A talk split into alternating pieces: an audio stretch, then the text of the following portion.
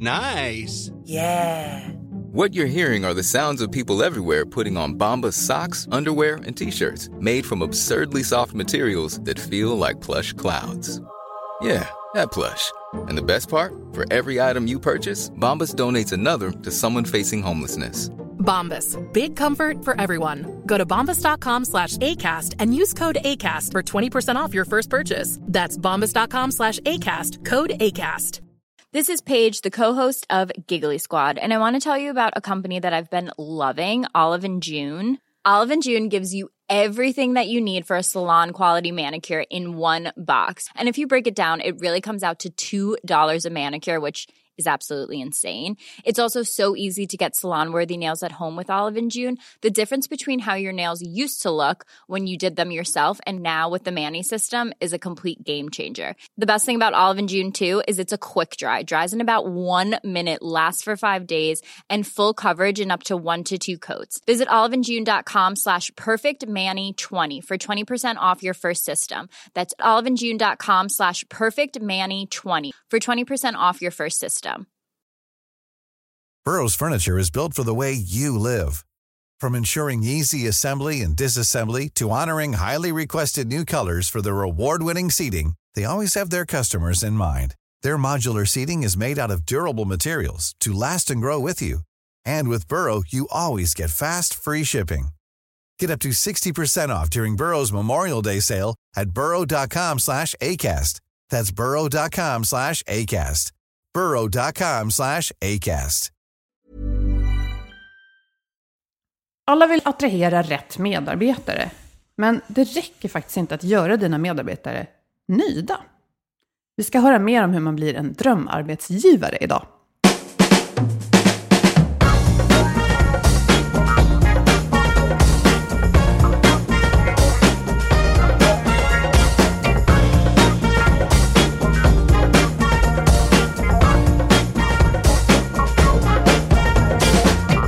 Är Health for Wealth, en podd om hälsa på jobbet. Vi är Ann-Sofie Forsmark, hälsomanagementkonsult och Boel Stier, copywriter och kommunikatör.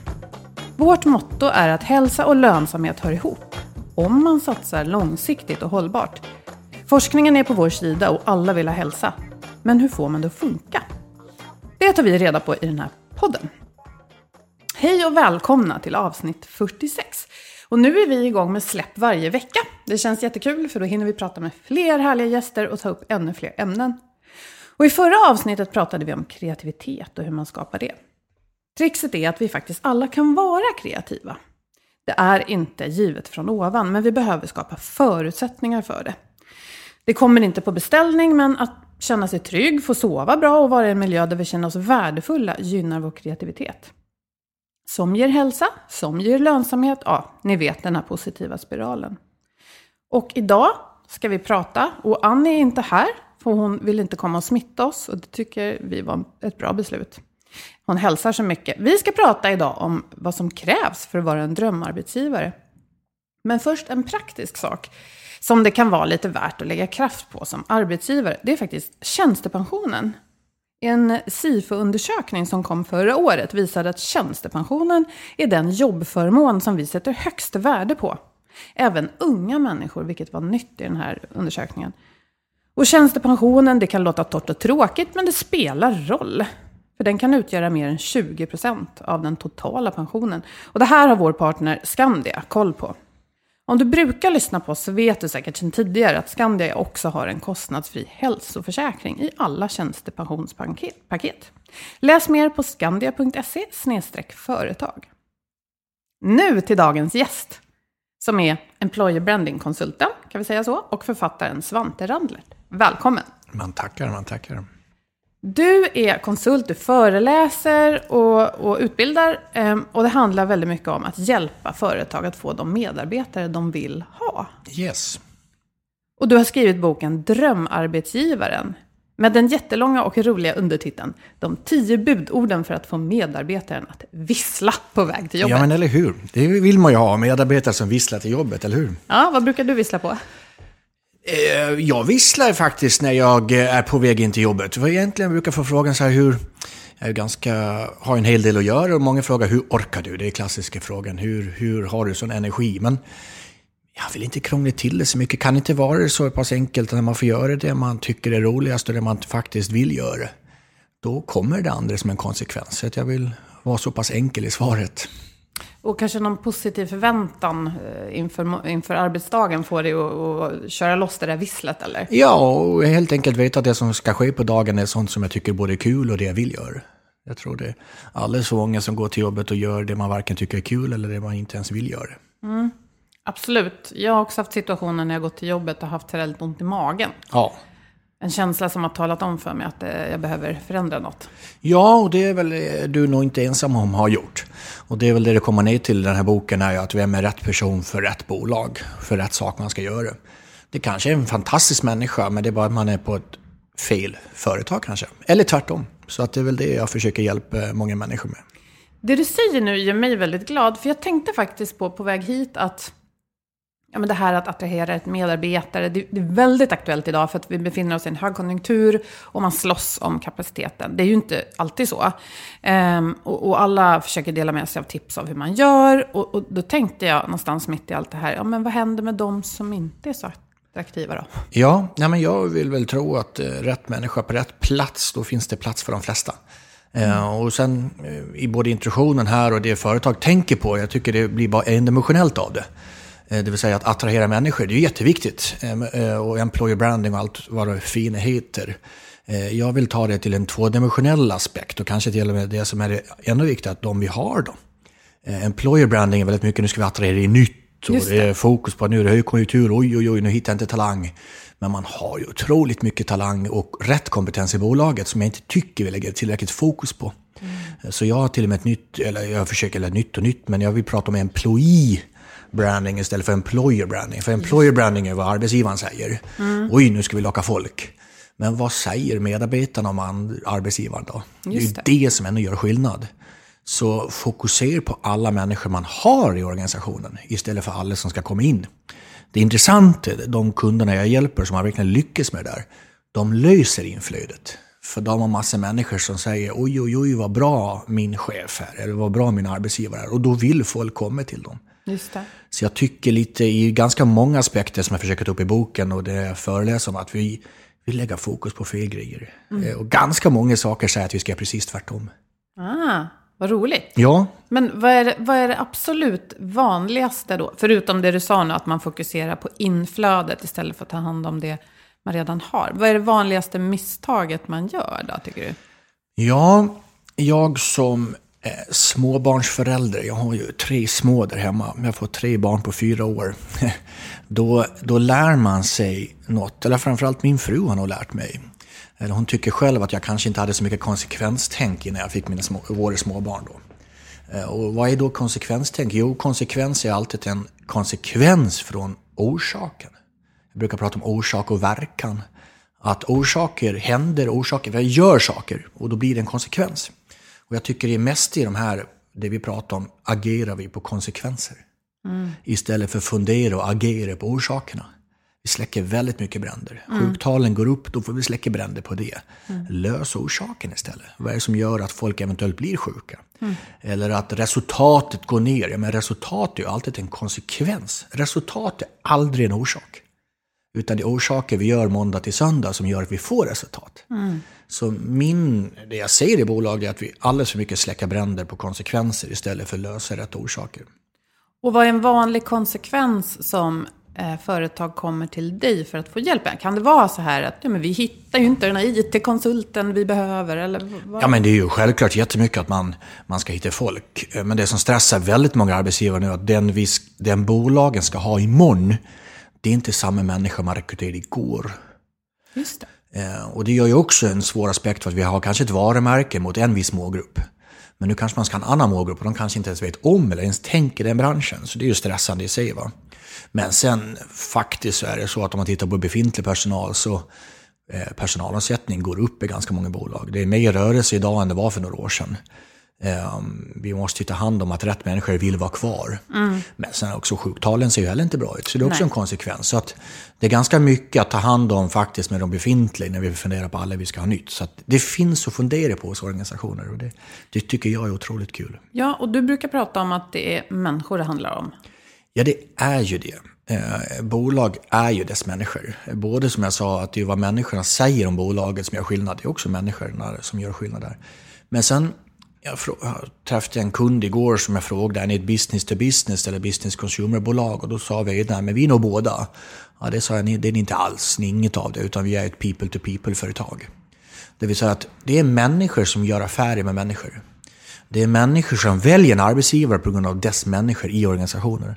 Det är också människor som väljer att vara kvar eller sluta på grund av dess människor. Mm. Så allt, allt, allt kommer tillbaka till relationer mellan människor. Mm. People to people.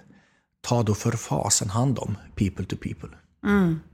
Och oavsett då om man tittar på, som du säger, lönsamhetssiffror, inflödet av nya eh, medarbetare eller utflöde förvisso av befintliga. Allt det hänger ihop. Vi får inget bra resultat om vi inte är bra med relationer mellan människor. För att om det är en kund som har en relation med någon på företaget så är det också en relation. Mm. Så allt annat kommer som en konsekvens från de här orsakerna.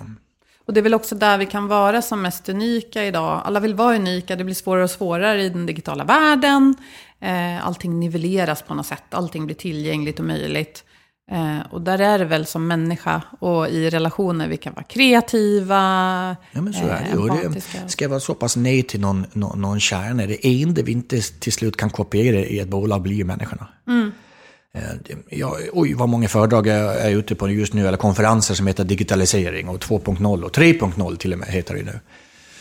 Och det, det, är klart, för jag har ju en eh, fast beslutsamhet att, att det som bör digitaliseras, det kommer att digitaliseras. Det går inte att hålla emot, det så ska det vara. Kundbehoven gör ju att det måste till.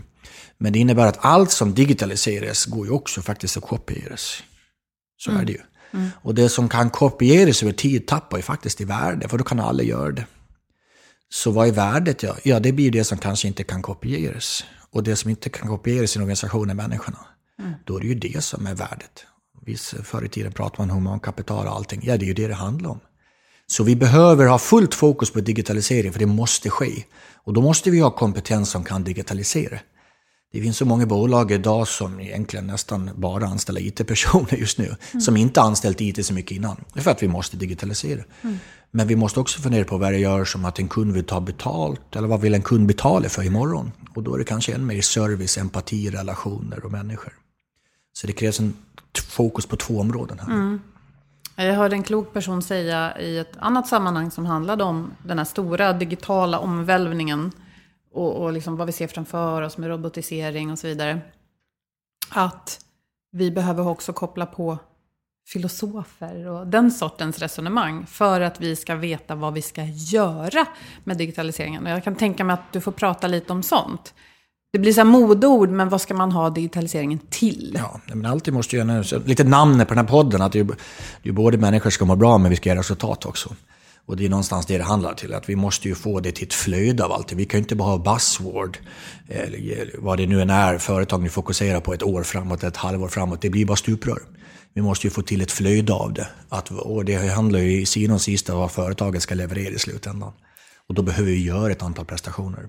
Och vad, jag tänker då, för att bygga, bygga människor, bygga kultur, bygga relationer, det tar tid. Absolut. Um, så att det är inte så att man kan förvänta sig effekter snabbt. Men jag kan också tänka mig att det är lite... Um, jag menar, det skänker ju viss trygghet att titta i en årsredovisning. Allt verkar så tydligt. Mm. Det är kolumner och det är kategorier kultur? Jag menar, vad säger du om att, vad ska man göra då? Du har ju tio budord. Ja, men det är ju det här balansen just nu mellan struktur och kultur. Det är väl kanske det som många företag jobbar så enormt med. Precis det du förklarade, det är ju strukturer och det är sånt man kan läsa sig till. Det är ju lättare, det är kanske därför vi gör de sakerna. Det är också att titta på vad vi mäter. Vi mäter ganska mycket hard fact, för det går att mäta. Men det är kanske allting annat som spelar roll. Det är någonstans där det kommer ner till. Och tar vi balansen struktur och kultur, vi måste ha struktur för att kunna ha kultur. Det får aldrig glömmas bort. Vi kan ju inte 100% jobba med kultur om vi inte har struktur. Däremot är det ju kulturen som gör att människor väljer en arbetsgivare och faktiskt vill vara kvar och trivs och mår bra. Jag har ju aldrig hört någon hittills i alla fall som har valt en arbetsgivare på grund av deras fantastiska policystruktur. Nej. Men det är väldigt det mycket vi fokuserar på. Men om, nu fick jag bilden framför mig av att odla en trädgård. För jag tänker att ja, det är ett slags kultur. Mm. Och, och att strukturen, tänker jag då, då är liksom att bestämma. Där ska rabatten vara, där ska det växa lite mer fritt. Ja. Vad är det för typ av strukturer som du rekommenderar arbetsgivare att skapa för att den, den här kulturen ska ha en Ja, förutsättning? ja, men om vi egentligen tar det åt andra hållet, vad är då kultur? Så brukar jag, för, för det är också ett flummigt, vad är kultur? Av alla pratar om det. Men det, det är egentligen, om vi tar det i två sammanhang. Det första är att kultur sitter ju inte i några jäkla väggar, som alla pratar om. Det sitter ju faktiskt mellan väggarna. Så vad varje människa gör måndag till söndag mellan väggarna i en organisation, det är det som är kulturen. Det här med att oj, oj, oj, vi har funnits så många år och vilken kultur, vilka jäkla väggar. Det är ju än en gång, du kan ha haft en fin kultur, men det är ju vad vi gör idag och imorgon som kommer liksom definiera kulturen. Praktiska handlingar. Ja, exakt. Va? Men sen också så här, men definitionen varför kultur är så viktigt, så brukar jag säga än en gång två saker. Intern effektivitet och extern attraktivitet. Därför måste vi ha kultur. Det vill säga intern effektivitet är ju att en stark kultur måste vi inte ha 77 000 policies i. Vi behöver inte ha policies för exakt vad folk ska göra, utan intern effektivitet är ju att människor vet vad de ska göra, de gillar att göra det. Så en riktigt stark kultur, bolag som lyckas med det nu, de tar bort hälften av policyerna för människor fattar vad man ska göra. Det var lite kul, en anekdot. Jag sprang på en, en kund nu för ett tag sedan som, apropå struktur och kultur, det var ett, eh, ett, ett, ett kontor då med väldigt mycket kontorsmänniskor och då råkade jag säga deras klädpolicy. Apropå policy och struktur. Och där står det till exempel att män inte fick ha knickers på sig på kontoret. Då, va? Oj, behövdes det? Ja, det är ju det som är intressant. För knickers är då byxor som är lite längre än knäna men lite eh, kortare än en vanlig. eh, Äppelknyckarbyxor. Ja, något sånt där va. Och då var jag ju tvungen att fråga vdn någon att vad händer då? Du har ju flera hundra här på kontoret. Vad händer om ni tar bort policyn att män inte får ha knickers? Kommer då alla män gå runt med knickers? Nej, det kommer de ju inte. Så vad fan har vi, ursäkta, det får man kanske inte svära, men varför har vi då knickers i en policy? Ja, Så en stark kultur, då behöver vi inte ha en, en knickers-policy, utan det är rätt. Då har vi på oss det ändå. Va? Så att det är just det där att... Ett utslag av någon slags detaljstyrning som inte ens behövs. Och vad känner man när man läser en sån sak i den här policyn, om man ens läser den? Ja, det blir ju precis omvänt då. Och det jag då vill att företag ska fokusera på, det som gör störst skillnad, det är ju självklart kultur som jag säger. Sen är det också förtroende för att människor, vi anställer människor för vad de kan och vad de vill och låt dem då göra det då. Och det sista är ju att det här med utveckling, att vi måste ju låta människor växa och utvecklas. Men om vi tar de tre orden, kultur, förtroende och utveckling, är det vissa nu som satsar på att nu ska vi ge förtroende till människor. Och det första någon chef frågar, hur kan vi mäta och kontrollera att det inte blir fel då? och det är ju inte förtroende då. Va? Så att det är ju mycket saker vi säger på pappret, men vi gör kanske någonting annat. Ja, för mäter gör vi ju ändå. Vi Oh, ja. mäter ju oss liksom Vi mäter för mycket och vi mäter i mycket del fel saker. Vi hade en chef här i vårt allra första avsnitt som sa att eh, jag mäter inte alls någonting i den stilen. Vilket upprörde en del människor, eh, har jag hört i andra sammanhang. För visst måste man väl mäta? Och Mm. Det är ju tryggt. Ja. Och, men jag menar, årsredovisningen, den är vi tvungna att göra eh, i de flesta fall. Men vi måste ju någonstans, mäte kan väl vara veta var är vi på väg. Jag tycker mäte, det många gör i mätetal, ett, vi mäter fel som jag sa, och sen kanske vi har fokus på fel grej. Och vad jag menar med mäter fel, bara ta en sån sak apropå det här med resultat och människor mår. Då brukar jag fråga en vd, hur mår ni idag som organisation? Och då är det väl inte helt ovanligt att man säger att ja, men det är inte så många som slutar och alla är nöjda. Så då har man alltså mätt hur många som slutar procentuellt och hur graden av nöjdhet. I någon medarbetarundersökning. Ja, NMI kallas det för nöjd medarbetarundersökning och då, index. Och då säger väl att båda två är fel, för att procentuellt är många som slutar helt orelevant egentligen. För tänk om de som slutar är mest engagerade och drivna då. Och de som man är kvar, det är de som är nöjda, som inte vill göra någonting alls. Procentuellt ser det bra ut. Vi har bara 5 eller 7 eller 10 procent. Men tänk om alla de är de som vi egentligen borde ha kvar. Så att ha en procentuell personalomsättning borde- är ju helt fel. Och det andra då, nöjd, vad är det? Att ha massa nöjda medarbetare. Alltså, världen går fort idag. Det innebär att företag måste gå fort, springer fort till och med. Då kan vi inte ha alla som är nöjda, det som var bra igår, utan vi måste ha folk som är engagerade. Vad är det vi behöver göra imorgon? Så jag har till och med två ord jag förbjuder just nu i organisationer. Det ena är då nöjd och det andra är då behålla. Vi ska inte ha, eller vi ska inte jobba efter nöjd personal, vi ska jobba efter engagerad personal. Och att efter man då employer branding har lyckats få in någon människa, då ska vi behålla människor. Vad är det för ord? Jag Det brukar- låter lite räddhågset, så här, hålla i. Ja, nu har inte vi sett så mycket innan, men eh, bor du med någon, eh, lever du med någon, respektive.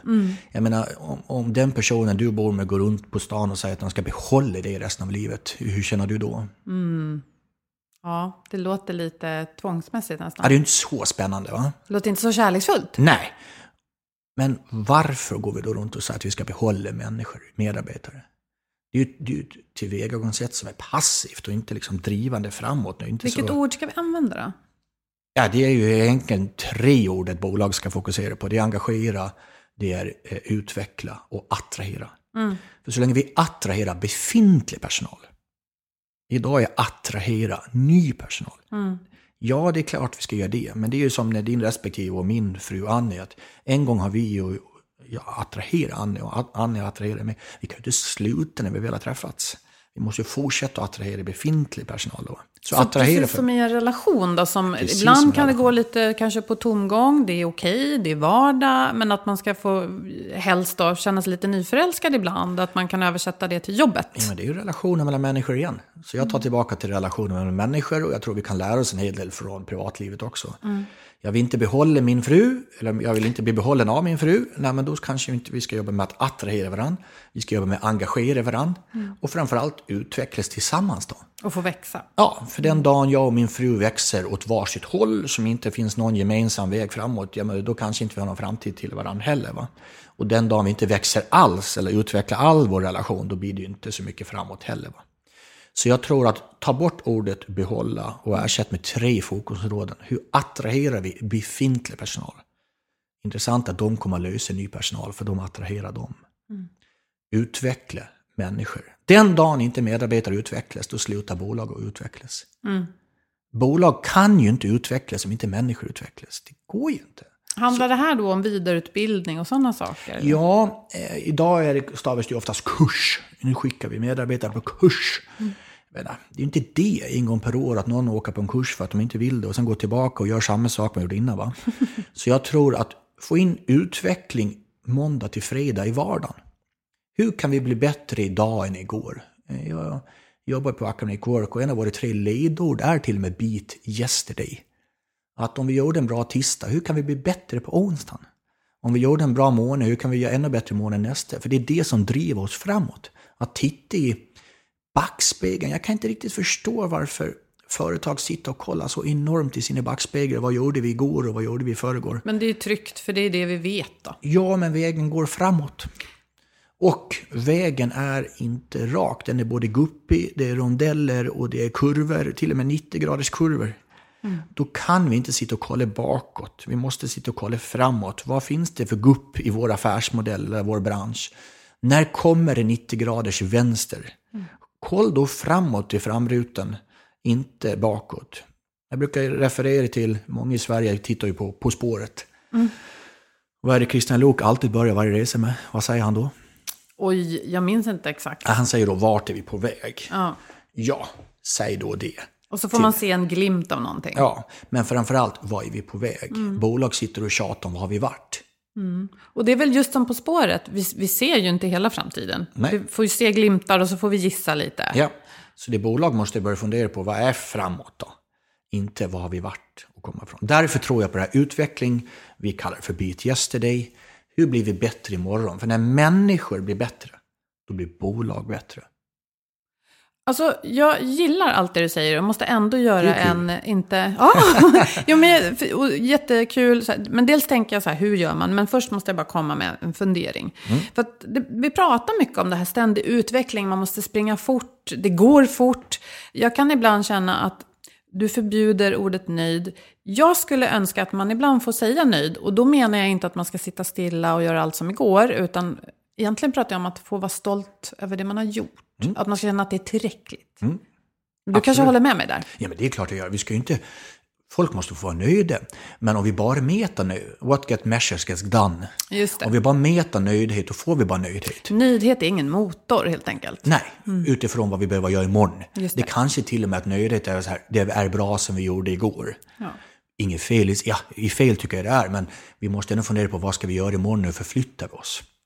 Det är ju, det är ett, egentligen kommer det tillbaka till bransch efter bransch. Säljer någonting till en kund idag. Eh, jag kallar det för mittenfilen. Det vill säga att det är ganska ibland lätta tjänster som en kund köper. Man vet inte riktigt varför allting ingår och man betalar för det. Idag är köparen så mer och mer rutinerad så de kommer inte vilja betala för vissa av de där tjänsterna. Det gör helt enkelt att många organisationer, det man säljer idag kommer inte man kunna ta betalt för imorgon. Just det. Det kanske till och med ska vara gratis på grund av viss digitalisering. Ja, då måste vi ju då fundera på framåt. Vad kan vi sälja som en kund vill betala för? Och det handlar om- ofta om att försöka vara unik. Ja, det där ordet unik som alla managementkonsulter använder, jag är ju lite svårt för hur svårt, det är inte så lätt att vara unik idag. Nej, det är ju inte det. Ehm, Däremot så att hela tiden jobba på vad vi för konkurrensfördelar Ja. som inte är en hygienfaktor. För mycket det företag levererar, både en platsannons eller på en någon sorts säljbudskap, det är mycket sånt som en kund idag tar för givet eller det alla andra säger. Och är det någonting som alla tar för givet och det alla andra säger, då är det, då är det ju inget som någonting som blir för just dem då. Motsatsen till de två orden är ju, vad har vi som inte andra kan erbjuda? Och vad har vi då som man inte tar för givet? Det är en konkurrensfördel. Så jag gillar att använda ordet fördelar mer än unikt. Och det är lite lättare att infria. Ja, och sen går det fortare. För att den dagen är en fördel inte längre en fördel. Och får fundera på vad har vi för fördel? 2018 att vara unik. Ah, Där fick jag smäll på fingrarna. ja, ja, men det är lite så. Eh, inte mot dig, men mot hela kanske företagsretoriken. Då. Så jag försöker Och hjälpa. det är ju bra kanske. för att alla kan inte vara unika. Nej. Det finns ingen möjlighet. Men det enda som är unikt, vet du vad det är? Ja, vi som människor. Det är Våra... mä- människorna på bolaget. Så en affärsmodell, en strategi, allt det där, det är ju bara att trycka på Ctrl-C, Ctrl-V. Men det enda ett bolag har som ingen annan har, det är dess människor i organisationen. Ta då hand om dem. Men Jag tänker det här med, om du säger det här till en företagsledning, de bör ju ha en strategi för sin affär och vart de vill. Med företaget alltså. Är då ett bra recept att, jag tänker något som jag skulle önska mig, är då att den här ledningen är transparent och delar med sig av vägen framåt till alla medarbetare så att vi kan haka på. Är det det man ska göra? På, på, på, på något sätt, ja. Eh, Jag har en tro på att det som är tydligt är trygghet. Det som är otydligt skapar otrygghet. Utmaningen för organisationen just nu är att vi har aldrig sagt så mycket till personalen. Eller medarbetarna. Så mängden information, jag säger inte kommunikation, jag säger mängden information har aldrig varit så stor till svenska medarbetare. För att det nordiska. går. Pratar och pratar och pratar och pratar. Dock, graden av tydlighet har aldrig varit så dålig. Oj då. Så vi har aldrig sagt så mycket och det har aldrig mottagits så dåligt. Så då är frågan inte mer att vi ska prata mer, utan det är vad är det vi ska säga då? Och det är det en ledningsgrupp behöver fundera på. Det intressanta är att jag brukar ta en metafor att om jag ska ha haft en sten i min hand och sen släppa det i vattnet, så blir det ringar på vattnet. Många organisationer jag konsultar har kanske sju, åtta organisationsled. Det kallar jag då åtta ringar på vattnet. Sen brukar jag fråga en företagsledning, vad är väl en grej som är mest affärskritisk för ditt bolag just nu och ett halvår framåt? Det är inte lätt för dem att välja en grej. Men när de har kommit fram till någonting, då säger jag så här, okej, hur många procent av människorna i led nummer åtta vet om den här saken? Och det är sällan jag får höra att majoriteten vet om det. Så om människorna som ska göra det inte ens vet om det som är mest affärskritiskt, hur ska vi då lyckas? Men det kommer en aspekt till som är riktigt jobbig just nu. Det är nämligen att människor gör inte saker på grund av fakta, man gör saker för hur jag fick det att känna. Engagemang att känna någonting mot vision, mål och strategi och vart vi är på väg. Va? Så det vi behöver stämma av är att ett, vet folk ens om det här? Två, hur fick jag dem att känna det? Att vi ska gå från vänster till höger, det kan jag väl säkerställa att alla har fått reda på. Men om ingen vill gå till höger, då spelar det ingen roll. Så apropå din fråga med ledningsgrupp, ett ganska långt svar, det är att vad av allt det här ska vi ta bort? Jag tror inte vi ska lägga till ett smack. Jag tror vi ska börja ta bort saker. Vi säger för mycket. Och av det Så då... bort med alla policies med knickers och så vidare. Ja, just med knickers, ja. Och sen tror jag vi kan börja ta bort lite policies också. Men framförallt av det som är affärskritiskt. Vi måste ju prata affär. Okej, så att om vi säger så här, eh, nästkommande halvår, så är det? Ja, låt säga det. Mm. Eller år. Så är det allra viktigast för vårt företag att, eh, säg så här, då, sälja mer av vara X eller produkt X eller vad det är, tjänst till eh, befintliga kunder som idag köper vara Y.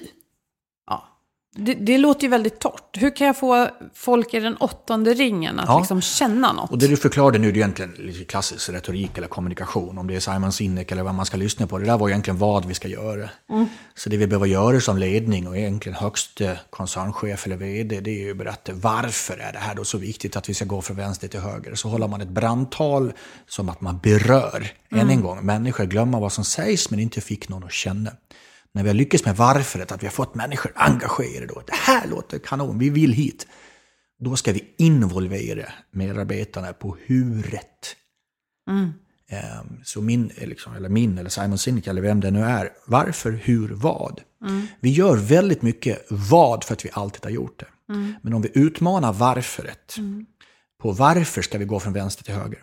Sen låter vi medarbetarna som ska gå till höger fundera på hur kan vi göra det här bättre då? Så finns det så mycket svar i led 8 på hur vi kunna bli ännu bättre, beat yesterday, som vi kanske inte idag tar vara på. För det, det kommer som en naturlig följd av att man lyckas eh, Ja, men det är intressant Visualisera varför. ja, för om jag då förstår det nya varföret och funderar på hur kan vi bli bättre på det då? Det som kommer fram då är oftast andra saker än vad vi har gjort igår. Så jag brukar till och med göra effektiviseringsövningar med bolag på just det här. Börja med nytt varför. Varför är det här så viktigt imorgon och i framtiden? Hur ska vi då lösa det? Och den grejen man skriver ner på huvudet är sällan allt som står på vad vi gjorde igår. Så det kanske vi lägger tid på saker som vi kanske inte ens borde ha gjort. Så byt riktning. Men det är lätt med vad, det är tryggt med vad, vi kan mäta vad. Så att det är än en gång det här med empati och känslor. va? Och paketering och kanske lite sälj. All retorik, eller mycket retorik handlar om att övertyga. Men Och där här, är ditt ord där, om jag bara får avbryta lite. Just det, du sa övertyga. Jag vill att varje chef funderar på, funderar på skillnaden mellan övertala och övertyga. Mycket av kommunikationen, eller nu ska jag rätta mig själv, informationen idag övertalar. då sätter jag en hatt på dig så. Antingen du vill ha den eller inte. Nu ska vi till höger. Och sen ska jag övertala alla att nu ska vi till höger. Det går ju inte. Vi måste övertyga varför ska vi till höger. Kolla till höger vad vi har där. Där ser vi en massa roliga grejer vi kan göra tillsammans. Så att vi utvecklas och växer. Alltså något sånt där då. Ja, för om inte än en gång bolag och människor utvecklas och växer så missar vi ju kurvan som jag brukar säga. Det är ganska många företag som... Det är inte så länge sedan millennieskiftet var här. Det är, nu var 18 år sedan. Hälften av bolagen som var på Forbes 500 för 18 år sedan är inte längre kvar på listan. Så på 18 år så är hälften utbyte på vilka företag som är världens framgångsrikaste. Och det betyder att det finns utrymme att komma det. in där. Ja, och affärsanalytiker säger att från och med nu och tio år framåt så kommer tre fjärdedelar inte vara kvar på listan. Så det går fort. Därför måste vi fundera på vad ska vi sälja imorgon då? Och istället för att bara vad ska vi sälja imorgon kanske man ska fråga vad vill en kund ha imorgon? Sen kan vi fundera på vad kan vi lösa av det här då? Många företag som var otroligt framgångsrika bara för fem, sju år sedan, all time high, vissa är inte ens kvar. Det går fort nu. Glöm då inte att det är människan som tar oss dit. Just det. Och jag tänker att eh, om man av det budskapet bara känner sig stressad och pressad, då kanske vi inte får så bra utkomst. Men om man kan se det roliga i det, att vi har möjlighet att växa Ja. tillsammans. Ja. Där någonstans borde man kanske leta. Absolut, och då kommer jag tillbaka till engagemanget. För de engagerade människorna brinner för det här. Gud vad roligt att vi ska göra det här då. då. Vi behöver det. Så än en gång, skillnad på engagemang och nöjd. Enorm. Ehm, Ehm, varför är ju en väldigt enkel fråga, ofta väldigt svårt att hitta svaret på den. Ehm, för att vi hamnar lätt i vadet. Jag tänker också att det kan vara lite känsligt för att vi... Ska vi prata om varför så kommer vi alltid in på någon typ av värderingar. Mm. Det var därför jag var inne lite på att det här med att vi måste börja säkerställa, apropå kultur. Ett företag har en viss kultur eller värdering. Det finns ju kärt barn har många namn då. Och vissa kallar det för DNA. Ja, det är någonstans det det kommer ner till. Va? Därför måste ju rekryteringar börja handla ännu mer om att hire for attitude and values and trainer for skills. För det vi ska göra imorgon kanske inte ens vi vet vilka skills vi behöver. Ja. Få säga upp sig idag på grund av att jag inte klarar uppgiften idag, utan det är för att jag inte passar in i den kulturen, eller i den organisationen, eller teamet, eller till och med chef. Då måste vi ner till, jag som människa, apropå mitt ansvar, vad har jag för värdering och attityd och vad, vad står jag för? Och vilket företag kan erbjuda just det? Men du, det blir väldigt lätt plattityder av det här. Det finns mycket god vilja som bara landar i, här har vi tre härliga värdeord. Sådana här är vi på vårt bolag. Och så upprepar man det som ett mantra. Det är de här väggarna. Då står det ju oftast på en vägg också. Ja. Det här är våra värderingar. Men det är ju vad som sker mellan väggarna som gör skillnaden. va? Det är därför vi måste gå från employer brand, för det är precis det du sa, något värdeord som står i en annons, till employee brand. Vad säger människorna om det här? Eh, Vi kan, ett ord som, eh, jag brukar ta lite, eh, jag har en kul anekdot apropå ett ord som företag satsade på, det var nytänkande. Det, det är väl inte ett bolag som knappt vill vara nytänkande idag. Men de hade valt som en av orden. Va? Apropå platta ord, vad gjorde de då? Jo, de åkte ut på en arbetsmarknadsdag och tog med sig en roll-up. Där på roll-upen stod det nytänkande. Ja. Och då ville jag väl utmana, jag gick i alla fall fram till den här montern och frågade dem, no offense, men är det arbetsmarknadsdagen eller roll-upen som nytänkande? Jag fattar ingenting av det här. Va? Så precis det du förklarade var ju Stackars att... Ja, så att det är lätt att säga någonting. Men man måste ju leva. Det nytänkande kanske har varit att inte är en arbetsmarknadsdag. Eller uppfattas som nytänkande, inte att säga det. Ja, för det är lite det här som du säger, vem vill inte vara nytänkande? Och det blir lite grann som man ibland raljerar kring politiska partier. Vem vill inte stå för rättvisa, frihet och så vidare. Och så vidare. Hygienfaktorer. Va? Men det är också så här, alla chefer, alla företag måste förstå att det är mottagarrätten idag. Kring kommunikation och kring allting. Att det inte vad avsändaren försöker säga, utan hur mottagaren tar emot det. Det är mottagarna om att har vi en bra kultur. Det är mottagaren, är vi nytänkande, eller beat yesterday som jag var och pratade om nyss. Mottagaren bestämmer. Så när, när jag ofta frågar chefer, är ni tydliga då? Och alla chefer, ja. Och så frågar vi medarbetarna, är din chef tydlig? Nej. Då Så där ju- kan man börja leta. Ja, det är ju mottagaren som bestämmer. Och där har jag också ett viktigt tips till människor så att det inte blir platt. Och vad är det vi ska säga? Och unikitet som du frågade om lite här. Ja, men än en gång, en av de här grejerna som jag säger att vi ska göra tvärtom. Vi fokuserar, i och med att personalomsättning går upp i många bolag. Jag konsultar ju, kommer in som konsult i vissa bolag, ibland upp till 25% personalomsättning just nu. Inom IT. Vi är där just nu. Var fjärde person alltså. Och så gör man då fullt fokus på, ha, nu ska vi analysera exitintervjuerna. Varför slutar nu människor och allting? Och då är det ju lite ironiskt att jag som konsult faktiskt kan debitera en vd tipset att har de, vem är de bästa enligt de medarbetarna på bygget? Vilka är det man inte vill tappa? Ha, och sen säger de några människor och då kommer jag med tipset. Har du frågor varför de älskar dig? Varför de stannar kvar? Och det har de ju inte oftast. Så en av mina konkreta tips är att gå från exit-intervjuer, det vill säga analysa varför någon har slutat, till stanna-intervjuer. Analys varför de bästa stannar. Så sluta att analysera problemet och istället se på vad det är som är Ja, fast bra. en, en exit är ju en konsekvens att någon inte längre vill vara kvar. Men de som vill vara kvar och de som älskar bolaget, inte gillar bolaget, jag sa älskar här, apropå känslor. Fråga dem, varför älskar de er? Eh, Jag brukar säga så här, du sa varför, jag vill gå ett steg längre, jag vill att man ska bli rumpnissar. Gånger två till och med. En rumpnisse säger inte bara varför, den säger varför då då? Fråg de mest engagerade människorna. Varför stannar du? Varför älskar oss? Varför tycker du våra tjänster eller det vi gör i kultur är bättre än någon annan? För annars hade du kunnat gått. Och vad de än säger, för det där är så viktigt det som kommer fram. Det är guldet där till och med. Då frågar man, varför då igen? Tänk om de säger att de är nöjda då, som man ju inte får vara. Jo, men man får väl vara nöjd, men jag vill att vi ska sträva efter någonting mer, att man ska få det till. Men de de frågar stannar intervju kommer förmodligen vara de engagerade. För det är mm. de de ser som mest varumärkesambassadörer, de som gör mest. Och då gräver man där man står och tar ja. vara på det man har. Ja, och då är det när man har gjort det standardsamtalet, då är det så många som kanske inte har riktigt insett det där.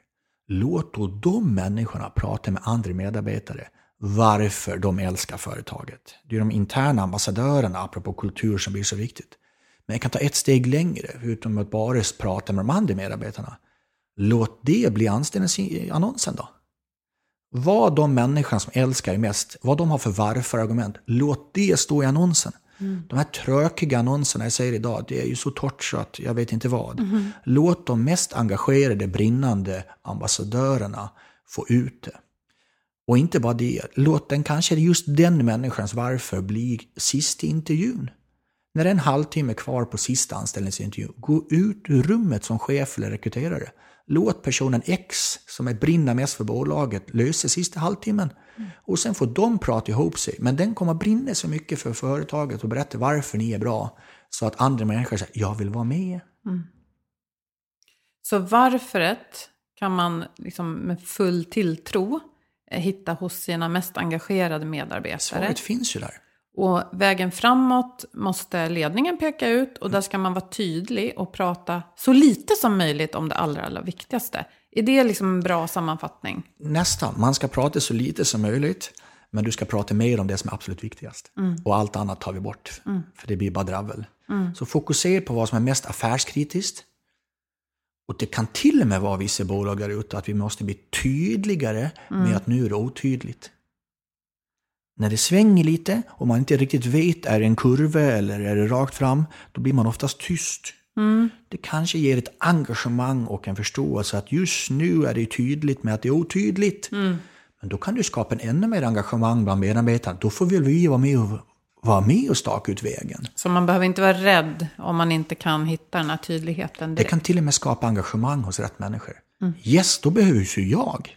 Ja, just det. Och det, det, är en ärlighet och transparens också som jag... Ja, men jag får ta en liten, eh, jag fick höra från en fantastisk vd som tror på det här med engagemang och tror på att människorna är skillnad. Då visar det sig att eh, de hade ett antal affärsutvecklare som inte riktigt fick till ett antal olika saker. Och två jätteroliga fall. Det första var att till exempel det här företaget hade alldeles för lång tid, väntetid in i kundservicen. Mm. Kunderna var sura, det tog för lång tid att komma fram. Då gjorde den här vdn så pass att ja, men då gick han till de som var mest engagerade i kundservice. Satte sig faktiskt ner så enkelt med lite bullar och kaffe runt ett bord och sa så här. Varför är det här så viktigt att vi får ner tiden? Och sen ställde han en fråga. Hur ska vi lösa det här då? idéerna fanns ju där. Det var bara att ingen hade frågat om. Mm. Och de hade inte tagit vara på det. Och de sakerna de gjorde i förändringen gjorde att de fick ner tiden, fick lojalare kunder. Mm. Det andra var när högsta styrelsen sa så här att nu ska vi ha ännu mer tillväxt än vi har idag. Vdn gick tillbaka till ledningsgruppen. Ledningsgruppen Norge sa det här går ju inte. Så här mycket tillväxt kan vi inte ha. Då gjorde vdn och modet och insåg han, vem är mina mest engagerade människor? Medarbetarna hittade 18 stycken. Tog de 18 till en skärgårdsö i två dagar.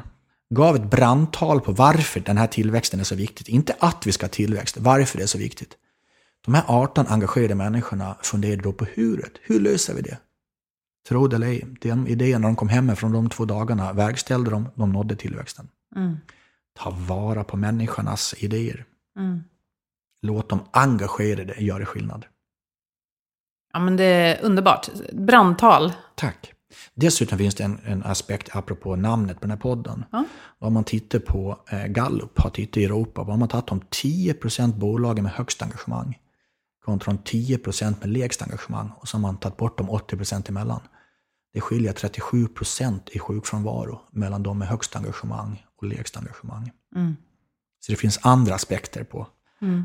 Och jag tänker att det du pratar om, att det är människorna, det är ju, alltså det är ju centrum för vad vi pratar om också. Mm. När vi mår bra så presterar vi och det ger lönsamhet. Ja, och det tycker jag vi på Academic Work har gjort en liten förändring. Vi kallar inte vår avdelning för HR-avdelningen, utan vi har döpt dem till People and Performance.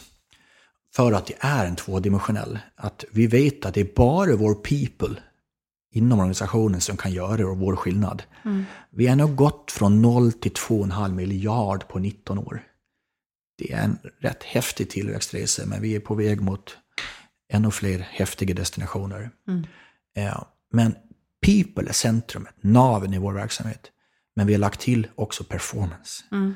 Att people ska ju prestera, de ska ju performa. Eftersom vi är på jobbet. Ja, mm. så vi får inte ha för mycket av den ena eller den andra. Utan vi vet att people gör skillnad, men people ska performa. Mm. Hur får vi då performance av people? Och sen jobbar vi med de två orden hela tiden. Och det är det som blir struktur och kultur. Exakt. Mm.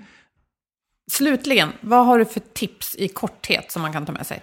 Ja, men det är väl, för utöver de sakerna som jag sagt, det eh, har varit en kul eh, diskussion eh, och jätteroligt om de här viktiga sakerna. Så utöver det så är det väl tre saker som jag tycker man kan liksom verkligen sätta lite spotlight på. Den första är det jag kallar för autonoma team och autonoma organisationer och jobba med autonomin. Att vi har en lite sjukdom i Sverige att vi fokuserar på eh, allting som är dåligt som kan bli bra hos människor. Jag vill tro att alla kan inte bli bra på allt. Däremot kan alla bli bäst på något. Eh, och ett traditionellt utvecklingssamtal, apropå utveckling vi har pratat om, då är det att man har kanske en fantastisk egenskap, tre okej okay och en dålig. Nå fasen sitta chefen och titta på det som är dåligt som ska bli bra. Vi är väldigt felsökande ja. till våra, vår natur. Tänk om vi kan hitta det som är bäst hos människorna, som dessutom älskar att göra, och låt dem göra det. Och vad händer när den personen blir ännu bättre på det man redan är bäst på?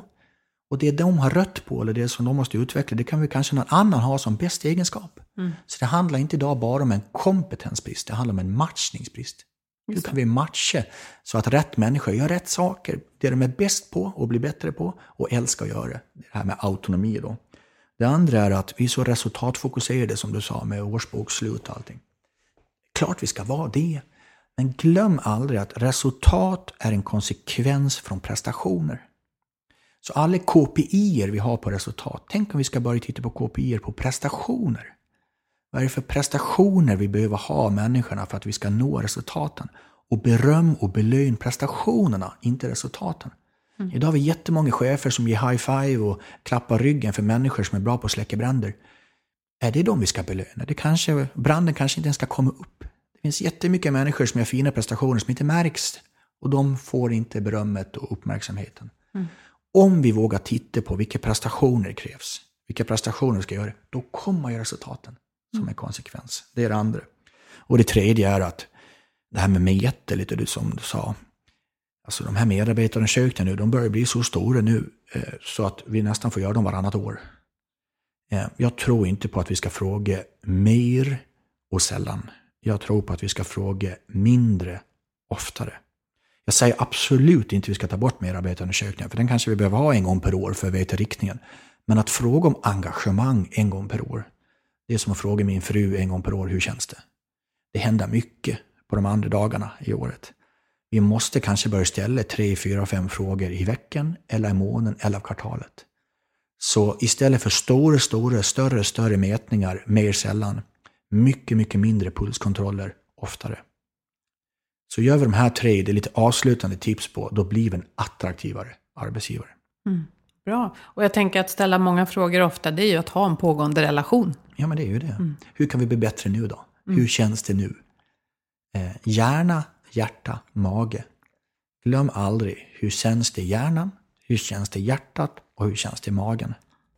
Det ska vi ha koll på. Mm. Bra! Tack så hemskt mycket för att du ville komma hit och prata om hur man blir en drömarbetsgivare. Nu är inte jag arbetsgivare, men jag känner mig sjukt peppad i alla fall. Roligt. Ja, eh, tack till alla er som lyssnar där ute. Vi hoppas ju som vanligt att ni vill prata med oss i våra sociala medier. Och dela gärna våra inlägg och gilla och kommentera så kan fler få höra vårt innehåll och vi får växa. Vi tackar också våra samarbetspartners Skandia och Twitch Health och förstås Agda Media för den här produktionen. Ehm, ja, var snälla mot varandra, ta hand om varandra och ha det bra tills vi hörs nästa torsdag. Hej då!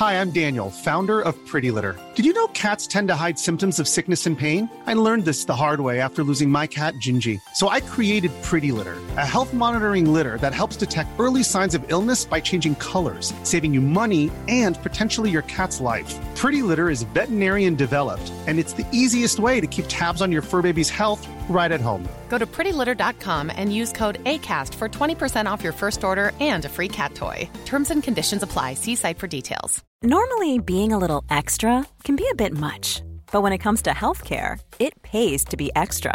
And United Healthcare makes it easy with Health Protector Guard fixed indemnity insurance plans. Underwritten by Golden Rule Insurance Company, they supplement your primary plan, helping you manage out of pocket costs without the usual requirements and restrictions like deductibles and enrollment periods. So when it comes to covering your medical bills, you can feel good about being a little extra. Visit uh1.com to find the Health Protector Guard plan for you. Even when we're on a budget, we still deserve nice things. Quince is a place to scoop up stunning high end goods for 50 to 80% less than similar brands. They have buttery soft cashmere sweaters starting at $50, luxurious Italian leather bags, and so much more. Plus, Quince only works with factories that use safe, ethical, and responsible manufacturing. Get the high-end goods you'll love without the high price tag with Quince. Go to quince.com/style for free shipping and 365-day returns.